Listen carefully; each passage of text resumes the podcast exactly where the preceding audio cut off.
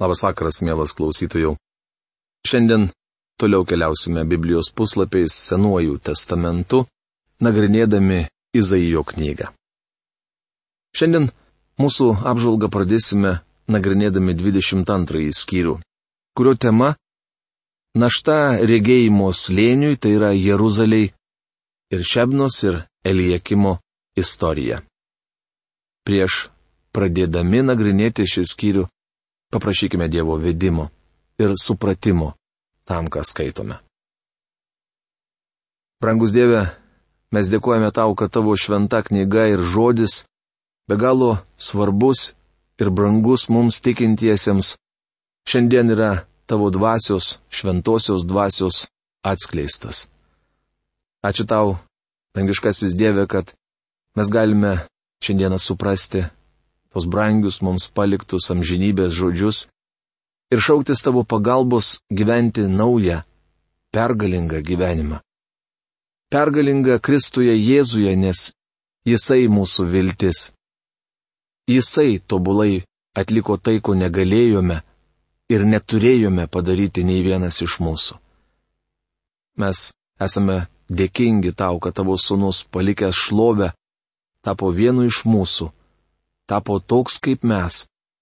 Gyveno tobulą, šventą gyvenimą. Pasmerkė nuodėmę žmogiškajame kūne. Buvo paimtas ir yra tavo šlovės dešinėje. Mes dėkojame tau, kad per jį galime prieiti prie tavęs ir gauti tą pagalbą deramų, tinkamų laikų. Ačiū tau už šį vakarą. Ačiū tau už tavo pranašo žodžius, kurie skirti Izraelio tautai, bet ir visiems mums pamokyti. Prašom, kad palaimintum šį vakarą, kad padėtum mums atidėti į šalį visą ką, kas trukdo išgirsti ir suprasti tave. Pameldžiame Jėzaus vardu. Amen. Skaitydami šį skyrių pamatysime, kad tai ištarmė apie Jeruzalę. Paskelbęs naštą Babilonui, Dievas pranašavo bausmes vis artimesniems tautoms, kol priejo prie Jeruzalės. Dabar siautulingi audros debesys susikaupia virš šventojo miesto. Našta Jeruzaliai. Ištarmė apie regėjimų slėnį. Kasgi nutiko, kad visas sulipai ant stogų. Izaijo knygos 22 skyriaus pirmą eilutę. Ketvirtoje, aštuntoje, devintoje, dešimtoje šios skyriaus eilutėse aiškiai pasakyta, kad regėjimo slėnis yra Jeruzalė. Regėjimo slėnis tai dar vienas paradoksalus Izaijo posakis. Suprasčiau, jei jis sakytų regėjimo kalnas, nes nuo kalno toli matyti. Nuo nebojo kalno Mozė matė pažadėtą į kraštą. Nuo alyvų kalno mūsų viešpats nužvelgė Jeruzalę. Kaip žinote, slėnis šventajame rašte simbolizuoja liūdėsio, pažeminimo ir mirties vietą. Kadangi čia aprašomas liūdnas regėjimas apie būsimą mūšį, vartojama žodis slėnis. Žmonės norėjo pažiūrėti, koks pavojus jų laukia, ir iš smalsumo bei baimės sulipo ant stogų. Paskaitykite 36 ir 37 Izaijo knygos skyrius, kur aprašoma Jeruzalės apsiaustis. Evangelijos pagal Mata 24 skyriaus 16-17 eilutėse užrašytas mūsų viešpaties įspėjimas žydams paskutinės apsiausties metu nelipti ant stogų, bet bėgti į kalnus. Todėl sakau, palikite mane, kad galėčiau raudoti, nebrukite man paguodos dėl dukters, mano tautos žūties. Izaijo knygos 22 skyriaus ketvirta eilutė. Suprantama, kad mano tauta yra Izraelis. Pamatėte, kiek daug plyšių Davido miesto sienose ir sutelkėte žemutinio tvenkinio vandenis. Paskui apžiūrėję namus Jeruzalėje, kai kuriuos nugriovėte miesto sienoms lopyti.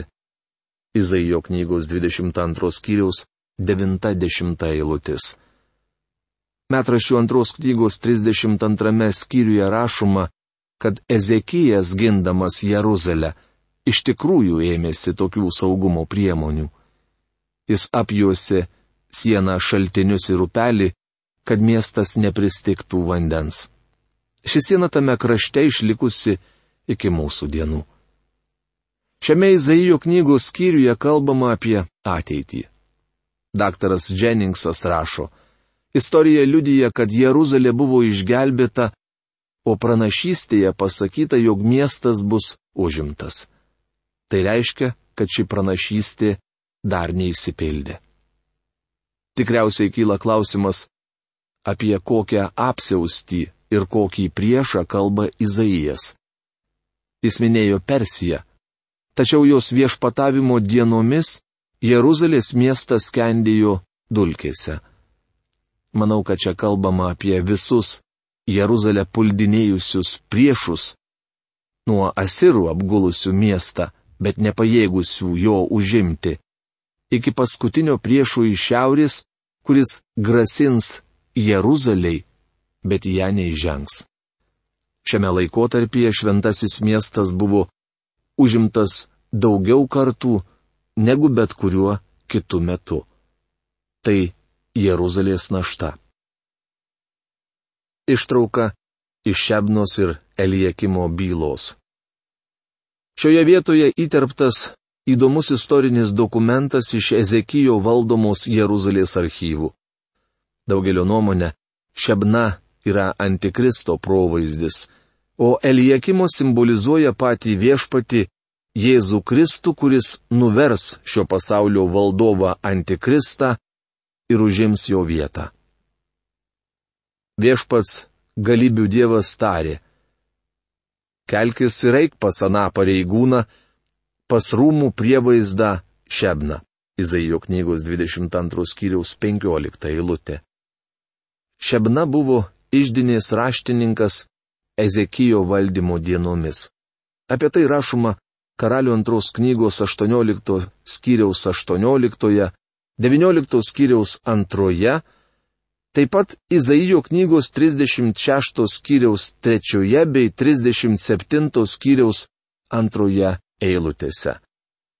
Manau, kad jis grobsti lėšas. Kuris aukštai išsikirzdino savo kapą, išsiskobė uloje būstą ir sakyk, ką tu čia darai ir kas toks esi, kad kapą čia savo išsikirzdinai. Izaijo knygos 22 skyrius 16 eilutė. Norėdamas jam žinti savo vardą, Šebna išsikirzdino kapą. Ironiška tai, kad jis mirė ir buvo palaidotas svetimame krašte. Apie tai rašoma 17-18 šios skyriaus eilutėse. Išvarysiu tave iš užimamos vietos, atleisiu tave iš tarnybos. Izaijo knygos 22 skyriaus 19 eilutė. Mano manimu, šebna yra antikristo šešėlis. Ta diena pasišauksiu savo tarną Elijakimą, Hilkijo sūnų, apvilksiu jį tavo drabužiais, apjuosiu tavo juostą, į jo rankas perduosiu tavo valdžią, įdant jis būtų lyg tėvas Jeruzalės gyventojams ir judo namams. Izaijo knygos 22 skyriaus 20-21 eilutės. Šebnos sostą paveldėjęs Elijakimas nebuvo savanaudis. Šioje eilutėje Izaijas sugretina du visiškai priešingus žmonės. Šebna simbolizuoja antikristą, o Elijakimas - Kristų. Jų apibūdinimai labai tipiški. Ant jo pėties uždėsiu Davido namų raktą. Kai jis atrakins, niekas negalės uždaryti, o kai užrakins, niekas negalės atidaryti. Izaijo knygos 22 skyriaus 22 eilutė. Šią eilutę galima palyginti su apreiškimo knygos trečiaus skyriaus septinta eilute. Joje užrašyti Kristaus žodžiai. Filadelfų bažnyčios angelui rašyk, tai kalba šventasis, tiesa kalbis, turintis Davido raktą, tas, kuris atrakina ir niekas neužrakina. užrakina ir niekas nebetrakina. Bičiuli, kaip nuostabu, kad mes galime pavesti savo gyvenimą į rankas to, kuris pajėgus atverti ar užsklęsti bet kokias duris. Tvirton vieton įkalsiu į lyg stulpą, kad būtų garbės krėslas visai savo šeimai. Ant jo pakips visa jo šeimos garbė, pakips ant jo palikuonys ir giminės. Jie kybos kaip kybo ant stulpo visokie indai, mažučiai ir puošnios taurės bei prasti asočiai. Izaijo knygos 22 skyriaus 23-24 eilutės. Juo pagrystas ir mūsų išgelbėjimas. Ta diena - tai galybių viešpatie žodis. Į tvirtą vietą įkaltasis stulpas neišlaikys, jis pavirs ir pargrius ir subirės visą ant jo kybojusi našta. Taip viešpats pasakė. Izaijo knygos 22 skyriaus 25 eilutė. Kaip matome, ta diena prasidės didžiojo suspaudimo laikotarpiu. Šioje eilutėje kalbama apie Šebną, kuris simbolizuoja Antikristą. Antikristas pelnys daugelio žmonių pasitikėjimą. Žmonės lauks jo pagalbos manydami, kad jis Kristus. Tačiau Antikristas te bus stulpas, kuris neišlaikys ir pargrius. Kostas burbulys šią eilutę verčia taip. Ateis diena, kai tikroje vietoje įkalta vinis nulūž, visa, kas ant jos kabojo, nukris ir suduš, nes taip viešpats pasakė. Bičiuli, ar jums teko patirti ką nors panašaus? Įkalate į sieną gerą vinį, pakabinate ant jo sunkų paltą, o jį ima ir nulinksta. Viešpats Jėzus Kristus yra vinis tvirtoje vietoje.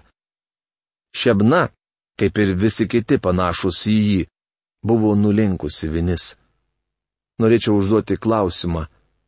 Ar jūsų visa nusavybė pakabinta ant vinies įkaltos į tvirtą vietą? Daugelis žmonių sukabina visą, ką turi ant nepatvarios pakabos. Kaip pavyzdį galėčiau paminėti investicijas. Vienas vyras man sakė, aš pasitikėjau advokatu, o jis suklydo. Advokatas nebuvo vinis tvirtoje vietoje. Kai kurie žmonės pasikliovė pamokslininku, tačiau jų viltis taip pat žlugo. Tik Kristus yra vinis tvirtoje vietoje. Tikiuosi, kad jūsų gyvenimas ir visa, ką turite, kybo ant jo. Izaijo knygos 23 skyrius. Tema - tyro našta. Šiame skyriuje paminėta vienuolikta ir paskutinė našta. Jau minėjome, kad našta yra bausmė, o šios bausmės buvo skirtos tautoms įsikūrusioms Izraelio kaiminystėje. Kiekviena iš šių didžių tautų simbolizuoja principą, filosofiją ar sistemą, kurią Dievas turi nuteisti norėčiau išvardyti visas vienuolika mūsų aptartų tautų ir trumpai pakartoti, ką kiekviena iš jų simbolizuoja. Pirma. Babilonas simbolizuoja klaidingą religiją ir stabmeldystę. Mūsų laikais stabmeldystė yra godumas. Tai nenumaldomas geismas turėti daugiau ir nuolatinis materialių pasaulio turtų kaupimas. Antra. Palestina simbolizuoja tikrą bet atsimetusią nuo tikėjimo religiją. Šiandien tokia situacija yra daugelie bažnyčių. Jose atliekami ritualai, net kartojamas vadinamasis apaštalų tikėjimo išpažinimas ir viešpaties malda. Atrodo, kad tos bažnyčios vadovaujasi Biblija, tačiau iš tikrųjų neigia visas jos tiesas. Tai atsimetėliai, išsižadėję to, kuo kitados tikėjo. Trečia, Muabas simbolizuoja formalią religiją, kitaip tariant, tuos, kurie dedasi maldingi, bet yra atsižadėję maldingumo jėgos. Šiandien daugelį iš mūsų galima būtų priskirti vieną iš šių trijų grupių. Kai kurie iš mūsų uoliai kaupiame materialius daiktus ir mūsų akis geidžia to, ką matome. Kiti nuo mažens lankė Bibliją tikinčias bažnyčias, vėliau nusigrėžė nuo šventojo rašto mokymo. Dar kiti uoliai lanko bažnyčią ir dalyvauja gražiuose peigose bei ritualuose, tačiau yra neką gyvesni už seniai išnykusi paukštį dodo. Ketvirta. Damaskas simbolizuoja kompromisą, kuris šiandien būdingas daugeliui net fundamentalių bažnyčių. Ačiū Dievui už tas bažnyčias, kurios ištikimai laikosi viešpaties kelio. Penkta. Etijopija simbolizuoja misijas. Mums būtina dalyvauti Dievo žodžio skleidime. Šešta. Egiptas simbolizuoja pasaulį. Izraeliui buvo įsakyta laikytis atokiau nuo Egipto. Kaip prisimenate, šioje šalyje Bromas pateko į bėdą. Mes dažnai raginami, kad nemylėtume pasaulio gailą, bet daugelis iš mūsų šio paraginimo nepaiso. Septinta. Persija simbolizuoja prabangą. Reikia pripažinti, kad mes visi labai pamėgome gerovę ir patogumus. Aštunta. Edomas simbolizuoja kūną. Nūdien daugelis žmonių tarnauja kūnui. Devinta. Arabija simbolizuoja karą. Šio laikinė visuomenė sudaro dvi žmonių grupės - vanagai ir balandžiai. Tiek vieni, tiek kiti yra iš pasaulio. Vienintelis skirtumas tarp jų tas, kad taikesniųjų grupė pasisako už taiką, tačiau yra pasiryžusi ją iškovoti. Dešimta. Regėjimo slėnis - Jeruzalė. Simbolizuoja ne religiją, bet politiką. Kai kurie mano, kad politika gali išspręsti pasaulio problemas. Ir vienuolikta. Tyras simbolizuoja komerciją - didelį verslą. Sakyčiau, tai didžioji šio laikinės visuomenės nuodėmė. Žmonės tiki, kad visagalis pinigas išspręs mūsų problemas. Iškilus problemai Seimas nusprendžia skirti šiek tiek pinigų jo sprendimui, bet tie, kuriems pinigai turėtų būti skirti, taip jų ir negauna. Visos vargšų rėmimo programos nepadėjo, o pakenkė skurstantiems. Kodėl? Nes bedėviai žmonės paprasčiausiai nesugeba priimti tinkamų sprendimų. Neturtingieji to dar neperprato, nes patys yra tolimi nuo Dievo. Vienintelis viešpats Jėzus Kristus myli vargšus ir tikrai žino, kaip jiems padėti. Tyrui skirtą naštą norėčiau aptarti detaliau. Tyras ir Sidonas buvo du dideli Finikijos miestai. Pirmasis iškilo Sidonas, tačiau savo motiną greitai pranoko išdidi ir turtinga duktė Tyras.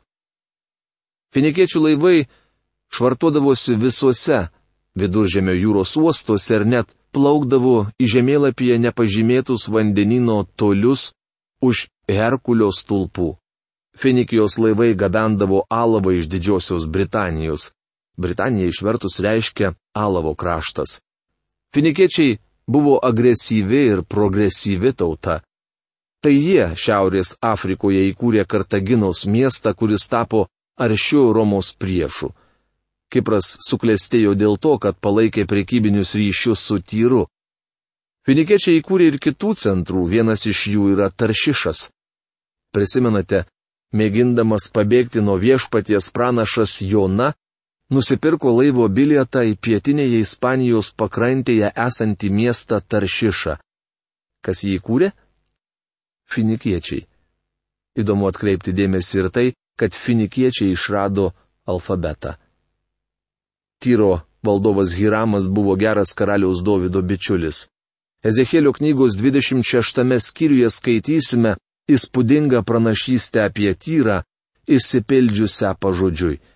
Dievas sakė, kad šį miestą sunaikins babiloniečiai, o jo gyventojai 70 metų pasiliks Babilono nelaisvėje.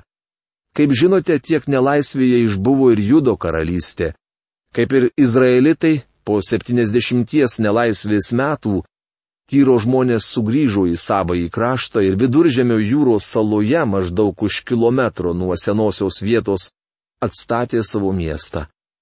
Dievas sakė, kad senojo miesto griuvėsiai bus nušluoti. Apie tai rašoma Ezekėlio knygos 26 skyriaus ketvirtoje eilutėje. Taip ir atsitiko. Vėliau Aleksandras Didysis nutiesė pylimą į saloje įsikūrusi miestą ir nušlavė senąjį tyrą. Aleksandras buvo pakankamai sumanus ir nemėgino veltis į jūros mūšį, žinodamas, jog finikiečiai puikiai išmanė laivybą. Jis nuo žemynę buvusio senojo miesto iki naujojo, tyro saloje atstatyto, nutiesė pylimą. Man teko vaikščioti tuo pylimu, jis nusėtas molio indų šukėmis.